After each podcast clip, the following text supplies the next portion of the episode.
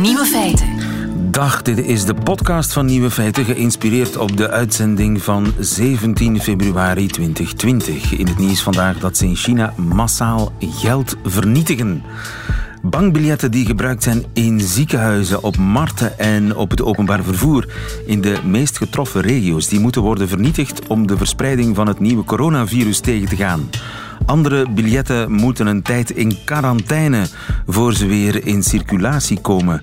De centrale bank roept ook commerciële banken op om alle bankbiljetten afkomstig uit de gevoeligste sectoren apart in te zamelen en in te leveren. De biljetten die niet vernietigd worden, zullen gedesinfecteerd worden met behulp van UV-licht en worden twee weken in quarantaine gehouden.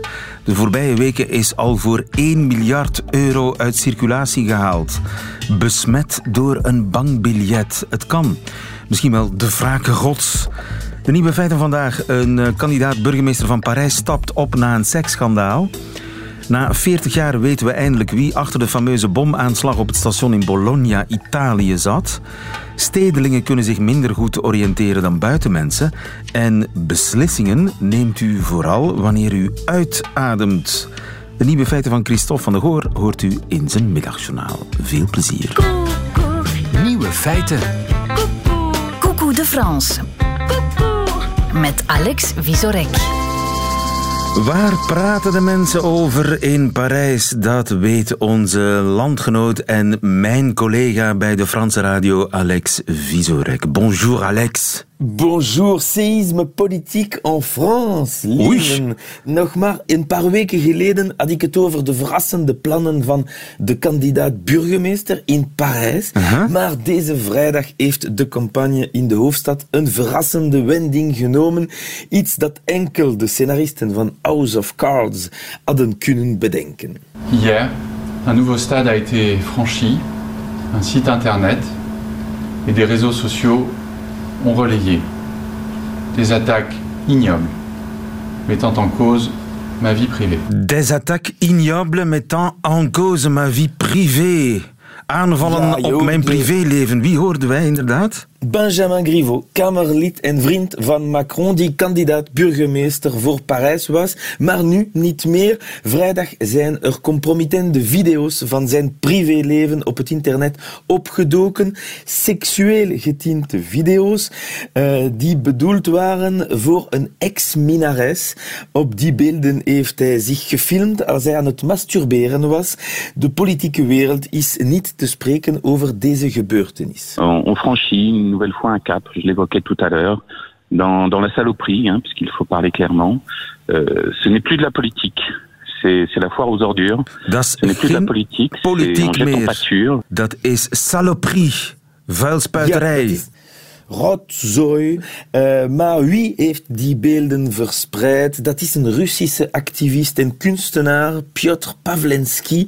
Hij is gekend uh, voor zijn provocerende happenings. Uh, hij had ooit zijn lippen aan elkaar genaaid om de meisjes van Pussy Riot te steunen of de toegangsdeur van de Nationale Bank van Frankrijk in brand gestoken.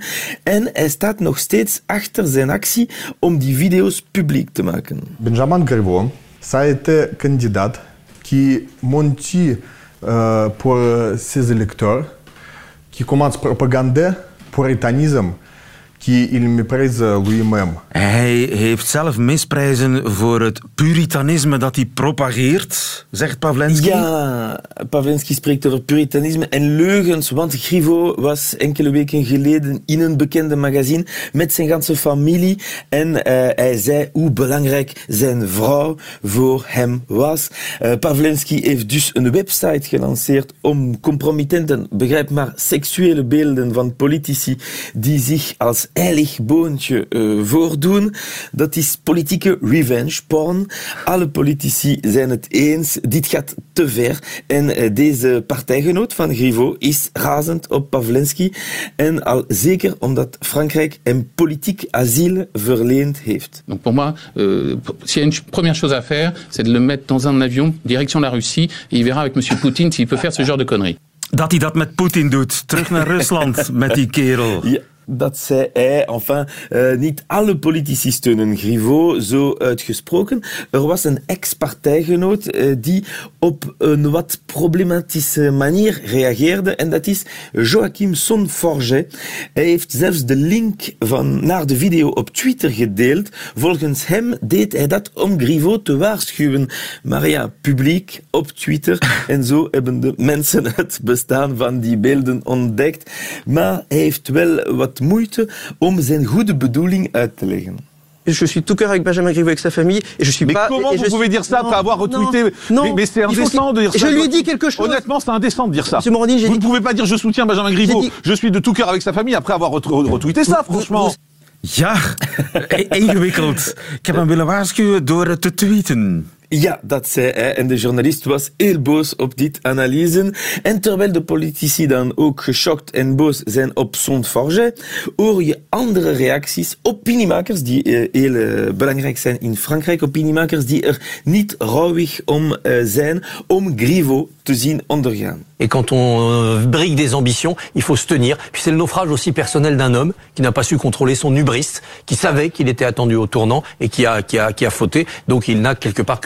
mérite. Ja, hij heeft zijn hubris niet kunnen controleren. hij heeft het zelf gezocht. Ja, dikke bult, zegt hij. Eh, dat is vaak zo als het over eh, raakporno gaat. eh, zijn er altijd mensen die denken dat het slachtoffer de schuld heeft. En journalist Serge Julie, heel beroemd in Frankrijk, nam geen blad voor de mond toen er naar zijn mening werd gevraagd. quand on est un homme politique à l'époque des réseaux sociaux, on fait gaffe. Le mec qui fait pas gaffe, c'est un con. C'est un con. Et Griveaux est un con. Il est un con. Hij heeft niet opgepast. Moet ik niet vertalen. Nee, het was duidelijk. Ja, ik denk het ook. Als je niet oppast in tijden van sociale media, dan ben je een idioot. En Grivo Ja. is een idioot. Dat is het. Een verklaring die voor heel wat ophef gezorgd heeft. En ondertussen heeft Grivo verklaard dat hij zich uit de campagne terugtrekt. Cette décision me coûte, mais mes priorités sont très claires. C'est d'abord ma famille. Vous l'aurez compris. D'abord ma famille. Zijn, familie krijgt voorrang. Eh, en dus heeft La République En Marche één maand voor de verkiezing een nieuwe kandidaat moeten vinden. Agnès Buzyn, minister eh, van de Gezondheid, eh, is die kandidaat. Maar je zult het wel begrijpen, dat was echt het minste van hun zorgen na deze ongeziene aardbeving in de Franse politiek. Ja, met deze masturberende bijna burgemeester van Parijs. Dankjewel, Alex Visorek in Parijs voor ons. Goedemiddag. En u ook. Het is eigenlijk een viezerik, die man. het is een viezerik. Het is een ja. viezerik. Maar c'est un compliment. een Voilà. viezerik zijn.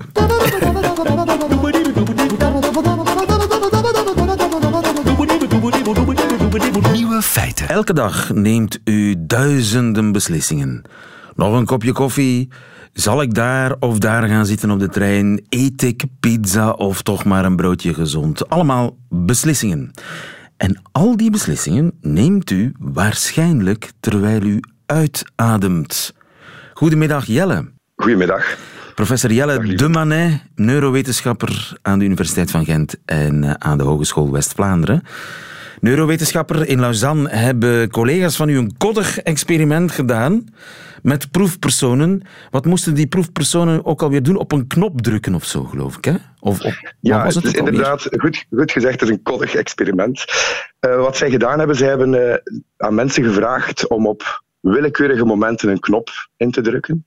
Dus direct al even vertellen, het gaat niet over complexe beslissingen, maar gewoon over het indrukken van een knop. En die hebben gevonden dat mensen eigenlijk vooral een knop indrukken als die gevraagd worden om dat te doen, als ze uitademen. En daar gaan de, de, de wetenschappers eigenlijk gaan uit concluderen dat onze vrije wil, dat we die vooral gaan kunnen uitdrukken als wij uitademen. Dus we zijn meer in controle als we uitademen. Dat is de conclusie van deze, van deze onderzoekers. Ah ja, maar wacht even. Dus die, die eh, proefpersonen hadden een soort van eh, muts op met, met eh, voelhorens.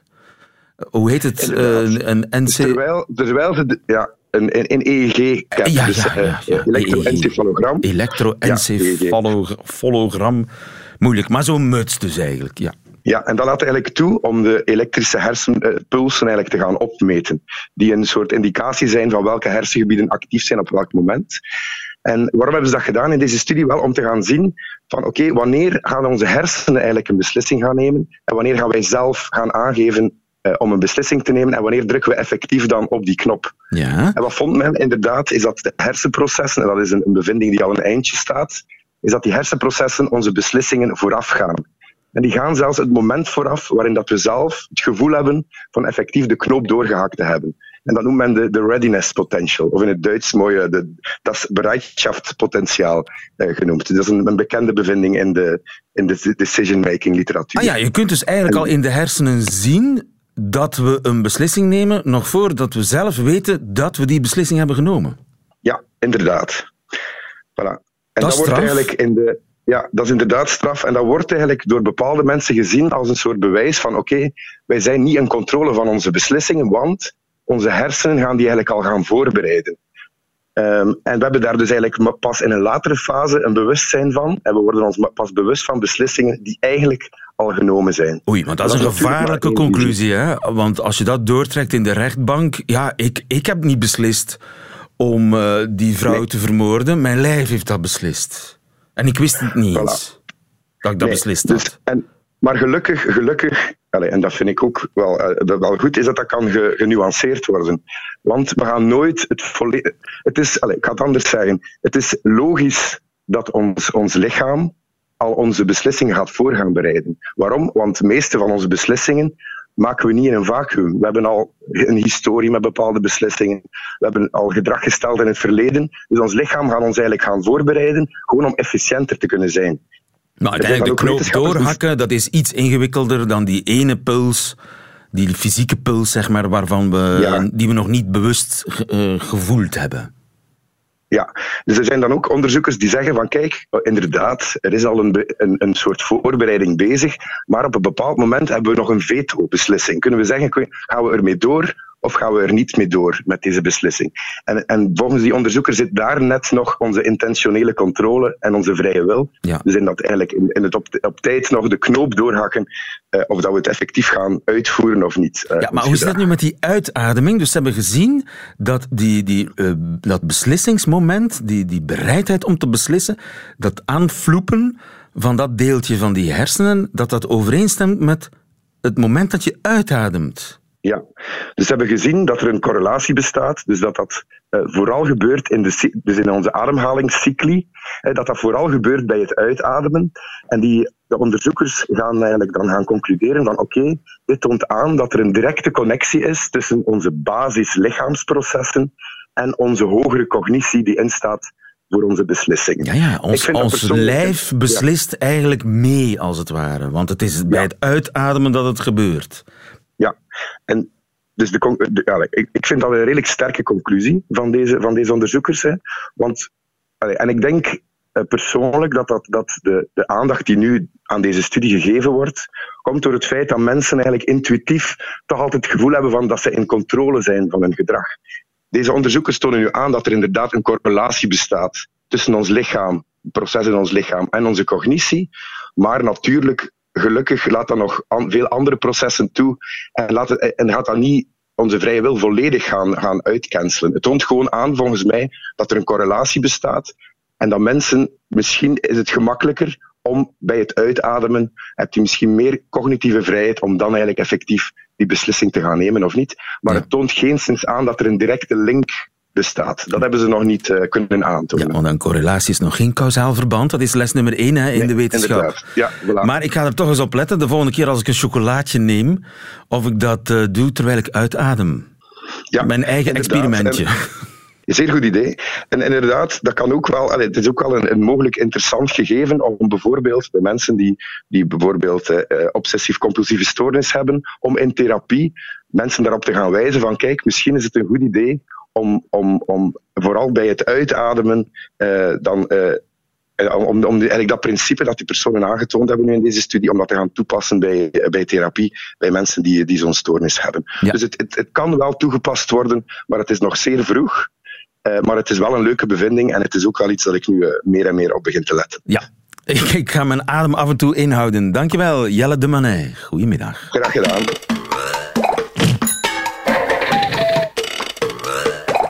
Nieuwe feiten. Een Gentenaar kan slechter navigeren dan iemand uit pakweg Hamme. Ineke van der Ham, goedemiddag. Goedemiddag. Je bent docent eh, neuropsychologie aan de Universiteit van Leiden en coördinator van navigerenkunjeleren.nl.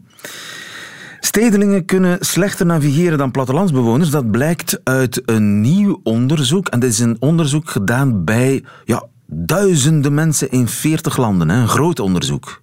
Ja, enorm groot. Ja. Ze hebben eigenlijk wel miljoenen mensen weten te bereiken. Miljoenen Inderdaad, mensen zelfs. ja, ja, maar niet iedereen heeft alles ingevuld. Eh, en het onderzoek waar we het nu over hebben, dat zijn er eh, ehm, volgens mij een aantal eh, tienduizenden. Dus dat is een heel flink aantal. En hoe hebben ze dat onderzocht? Ze hebben een eh, app gemaakt, wat een spelletje was, waarin mensen met een bootje allerlei opdrachten moesten uitvoeren. En dat waren dan eigenlijk allemaal navigatieopdrachten. Het was eigenlijk een spelletje om eh, te testen of de proefpersonen goed eh, hun weg kunnen vinden. Daar komt het eigenlijk op neer. Ja, precies, precies. En van alle leeftijden om te kijken hoe dat ontwikkelt tijdens het leven. En tussen de verschillende landen, wat je daarin opmerkt. Ja, en een van de grote verschillen was... plattelandsmensen kunnen beter navigeren dan stadsmensen. Ja, ja, klopt. Dat was eigenlijk een heel duidelijk eh, resultaat wat zij gevonden hadden. En dat is En een groot verschil dan dus. Ja, in ieder land was dat verschil wel eh, te zien. In ieder land was dat verschil te zien. Dus het is wereldwijd een eh, fenomeen dat je kunt vaststellen. Hebben we daar een verklaring voor? Nou, wat zij aangeven is dat eh, in de stad eh, heb je beperkte navigatieinformatie, omdat je alles staat heel dicht op elkaar en je loopt zo tegen een gebouw aan. Dus je bent niet zo heel erg bezig met hoe die stad er in zijn geheel uitziet. En als je op het platteland woont, dan heb je veel beter zicht op eh, hoe de omgeving eh, zich tot elkaar verhoudt. Je ziet bijvoorbeeld een kerktoren in de verte en je bent je meer bewust van nou, het volgende dorp is eh, aan het noorden of aan het zuiden. Dus daar heb je echt andere informatie die je gebruikt. Ja. Er zijn ook geen trams, hè? En geen metro's. Ja, dat is ook wel een belangrijke alternatieve verklaring. Dat je eigenlijk alles zelf moet doen. Dus je bent zelf met de auto of aan het lopen of aan het eh, fietsen. En ze zagen ook verschillen tussen landen. In het ene land was dat verschil tussen stad eh, en platteland nog wat groter. En dat eigenlijk de steden waar mensen veel bijvoorbeeld met de metro eh, gaan, waar je echt onder de grond gaat, dus helemaal geen besef hebt van de stad, was dat effect nog wat duidelijker. En is dat eh, ook een verschil tussen Europa en Amerika, waar steden eh, er heel anders uitzien met, met die dambordpatronen? Ja, zeker. Dat is ook iets wat ze noemen.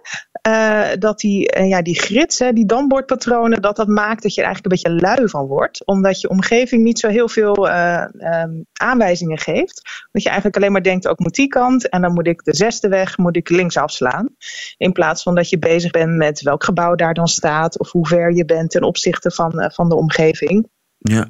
En is dat een kwestie van opvoeding, van waar je opgegroeid bent? Of kun je, als je eenmaal van het platteland naar de stad verhuisd bent, dan kun je je navigatie ja, vermogens verliezen, als het ware? Ja, dat is een hele interessante vraag. En daar zijn ze, als ik het goed heb, ook nog mee bezig om daar naar te kijken of dat verhuisgedrag nog wat doet. Maar ik kan me inderdaad wel voorstellen dat die opvoeding eh, toch echt wel van belang is. We hebben ook een ander onderzoek gevonden dat bijvoorbeeld het wiskundeonderwijs is hoe je omgaat met ruimte, wat je leert met meten en zo, dat dat heel veel invloed heeft op hoe je ruimte ervaart. Ook later in het leven. Ja. Maar je kunt het trainen, je navigatievermogen. Zeker, zeker. Ja. Als je daar eh, goed bij stilstaat en opdrachten eh, uitvoert en denkt van hé, hey, ik kan het ook anders doen, dan kun je zeker het op een andere manier eh, leren. Ja. En zagen we ook verschillen tussen mannen en vrouwen? Want dat is wat iedereen denkt, hè? dat mannen veel beter hun weg kunnen vinden dan vrouwen. Dat wordt hier in, de- in dit onderzoek niet genoemd. Wij hebben het zelf ook niet zo sterk gevonden. Wij zagen eigenlijk vooral dat mannen denken dat ze het beter kunnen, maar dat dat eh, als je kijkt naar de prestatie eigenlijk best meevalt. Oh, dus dat is eh, wetenschappelijk aangetoond dat mannen en vrouwen even goed de weg kunnen vinden. Alleen mannen denken dat ze de weg beter kunnen vinden. Ja, ja, precies. Meer talent voor zelfoverschatting. Ja, ja. Daar zit het grote verschil. En tussen stad en platteland. Mensen uit de stad vinden minder makkelijk hun weg, kunnen zich minder goed oriënteren dan mensen die opgegroeid zijn en wonen op het platteland. Dankjewel, Ineke van der Ham. Goedemiddag. Nieuwe feiten. Zullen we het ooit weten wie er achter de aanslagen van de bende van Nijvel zat? Geen flauw idee, maar in Italië is het wonder gebeurd. 40 jaar na datum weten we eindelijk wie er achter de grootste aanslag uit de Italiaanse geschiedenis zat. Qui Bologna vi parliamo da una città in lutto, ferita da una delle più immani tragedie che abbiano eh, colpito questo nostro paese in questo dopoguerra. Erano le 10.25 questa mattina quando una terrificante esplosione ha distrutto l'ala sinistra della stazione ferroviaria di Bologna. Verslagenheid in Italië in 1980. Mark Reineboog, goedemiddag. Goedemiddag. Historicus 2 augustus 1980 was het, hè? Ja. Uh, bloedige dag voor Italië. Aanslag op het station van Bologna. Hoeveel doden? Wel, daar zijn toen uh, 85 doden gevallen. 85 doden? Dat is dus ja, bijna drie keer zoveel als de aanslagen in Brussel van een aantal jaar geleden. En meer dan 200 uh, gewonden. Dus dat is een verschrikkelijke ravage geweest. Dat is de grootste, het grootste aantal een trauma. slachtoffers. Een trauma in de Italiaanse en, geschiedenis, absoluut. Ja. En de daders die waren toch gevonden, dacht ik? Wel, er zijn, uh, dat heeft allemaal heel lang geduurd, maar er zijn wel mensen uh, veroordeeld geworden. Uh, uiteindelijk, van de definitieve veroordeling in 1995, dus ja. toch wel 15 jaar na de ja, feiten.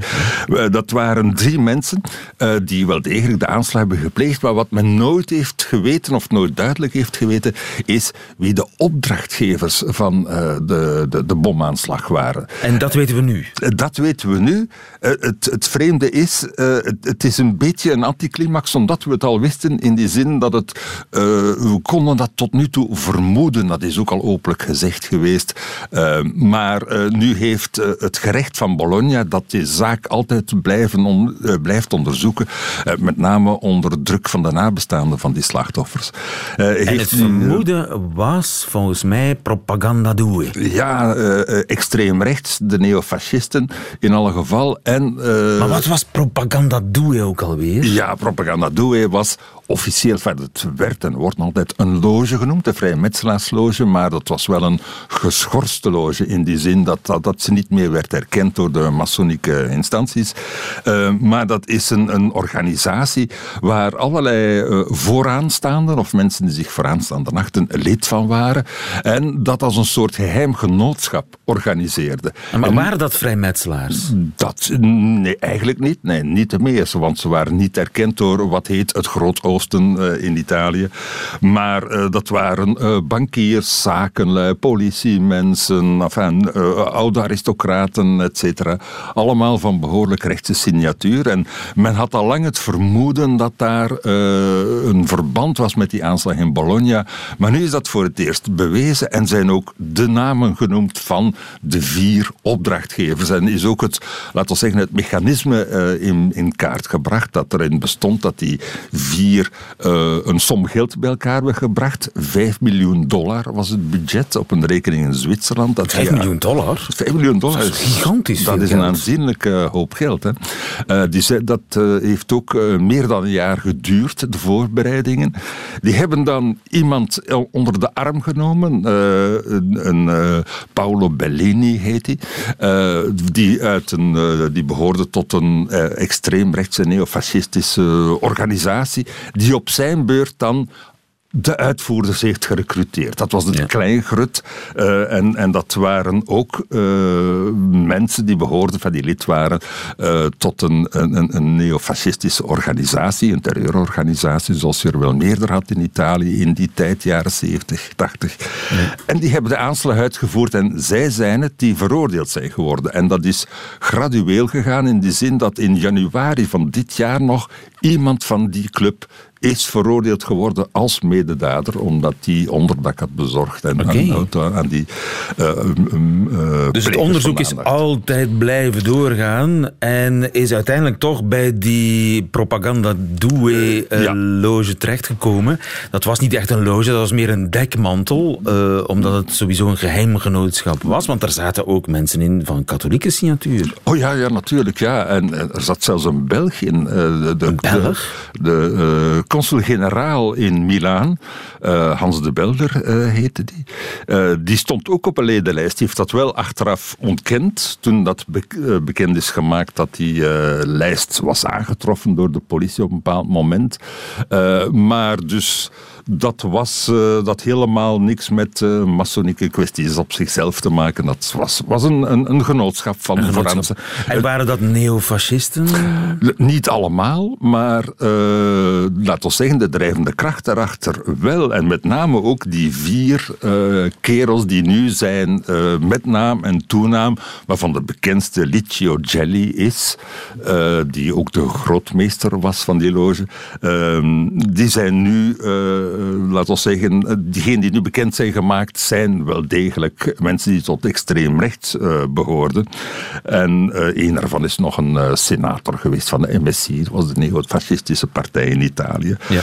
Maar ook hoge ambtenaren enzovoort. En dus zijn dat mensen uit de ja, Mussolini-tijd die heimwee hadden naar? Uh, het neofascisme is lang heel uh, levendig geweest in, in Italië. Uh, en, en een van de mensen die, die nu in beschuldiging zijn gesteld, postuum moet ik zeggen, want alle vier zijn ze ondertussen overleden.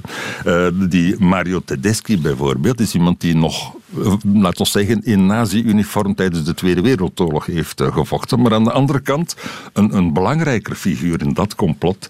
Uh, Federico Umberto D'Amato is iemand die uh, eigenlijk de verbindingsman was van de CIA, van de Amerikaanse geheimdienst. Oh. Voor de Amerikanen werkte ook tijdens de Tweede Wereldoorlog.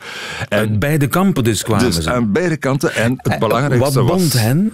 Anticommunisme. Dat is de centrale gedachte in, in heel dat uh, politieke streven dat uiteindelijk ook heel die terreur uh, heeft uh, georganiseerd. En je kan dan veronderstellen voor pakweg de Amerikanen, want die internationale dimensie is zeer belangrijk in deze kwestie. Voor de Amerikanen was dat, laten we zeggen, een oprecht streven, anticommunisme, maar je ziet tegelijkertijd dat dat in Italië, ja, al wie zich anticommunistisch noemde, uh, kon bepaalde faveurs genieten, omdat uh, ja, iedereen bang was voor de PCI, de communistische partij die zeer sterk was in Italië, met name ook in Bologna. En uh, ja, het, het was een voorwendsel en zeker neofascisten konden dit uh, gebruiken om zich een vorm van respectabiliteit uh, eigen te maken.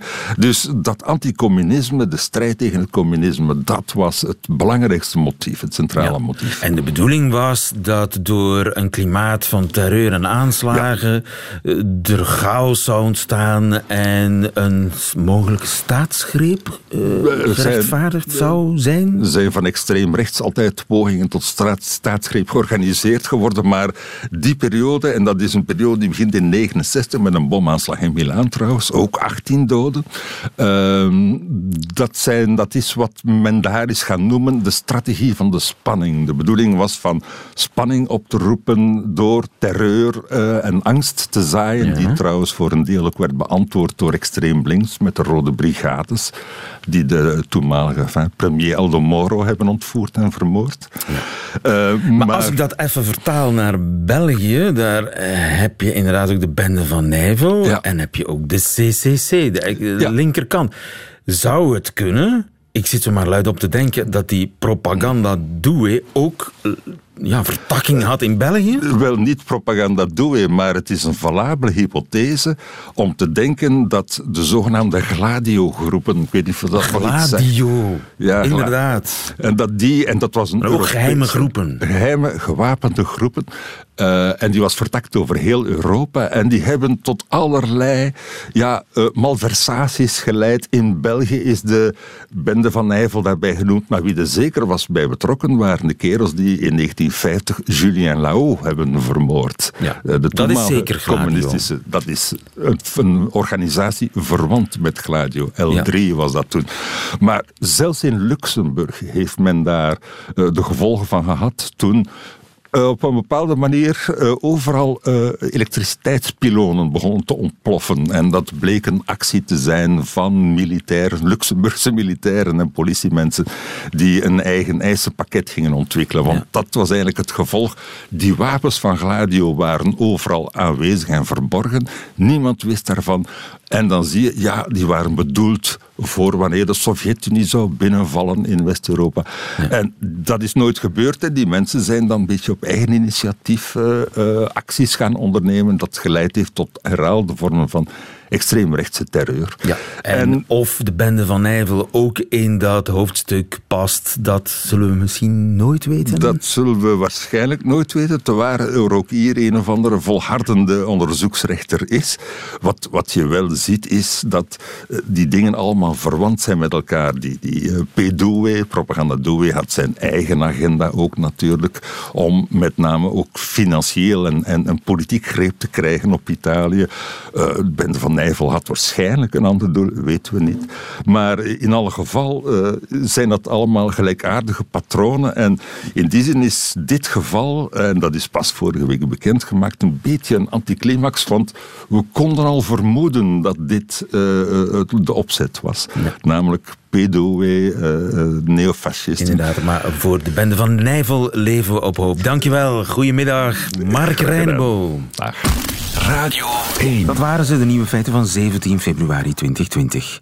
Alleen nog die van eh, Christophe van de Goor krijgt u in zijn middagjournaal. Nieuwe feiten. Middagjournaal. Goedemiddag. Ik hou wel van muziek, dat heeft u misschien al eens gemerkt in andere schrijfseltjes voor dit middagjournaal. Of is u opgevallen wanneer ik weer maar eens de naam van Dave Grohl of de Foo Fighters tussen de lijnen van mijn wielercommentaar voefel. Tot daar deze korte openingszin. Enfin, zo gebeurde het dat ik vorige week naar een concert van Rauwenheise ging in cultuurcentrum Palete in Pelt.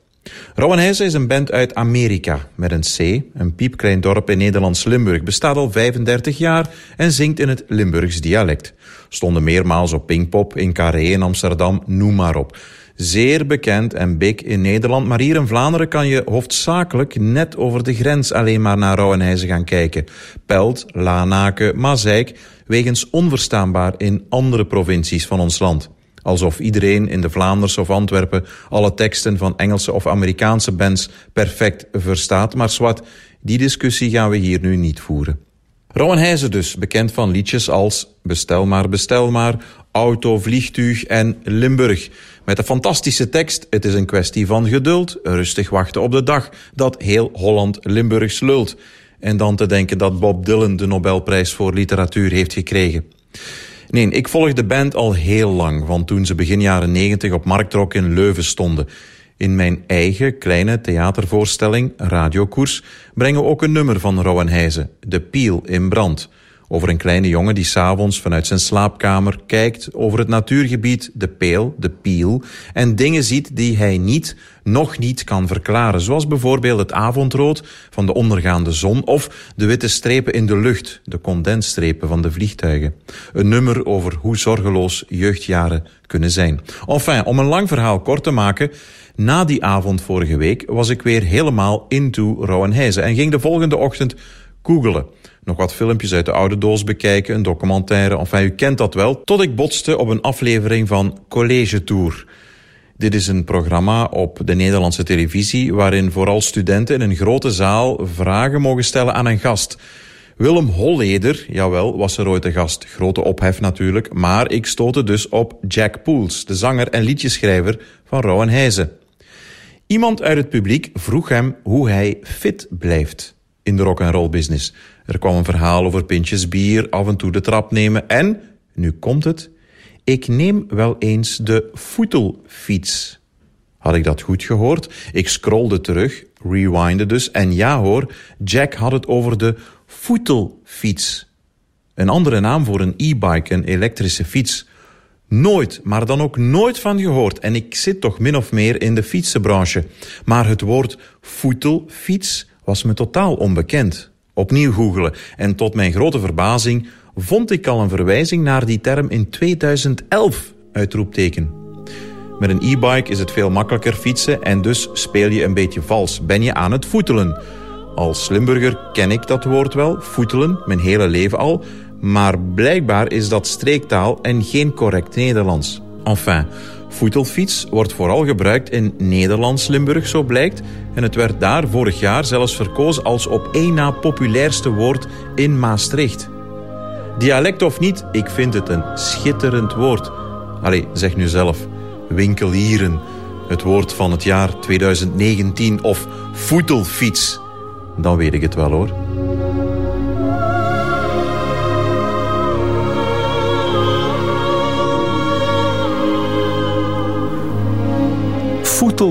Wat mij betreft, mag het het woord van het jaar 2020 worden. Ik duim. Christophe van de Goor in het Middagjournaal. Einde van deze podcast. Hoort u liever de volledige uitzending van Nieuwe Feiten. Dat wil zeggen, met de muziek erbij. Dat kan natuurlijk ook via onze luisterapp, de app van Radio 1, of via de site van Radio 1. Daar vindt u overigens nog veel meer podcasts. Tot een volgende keer.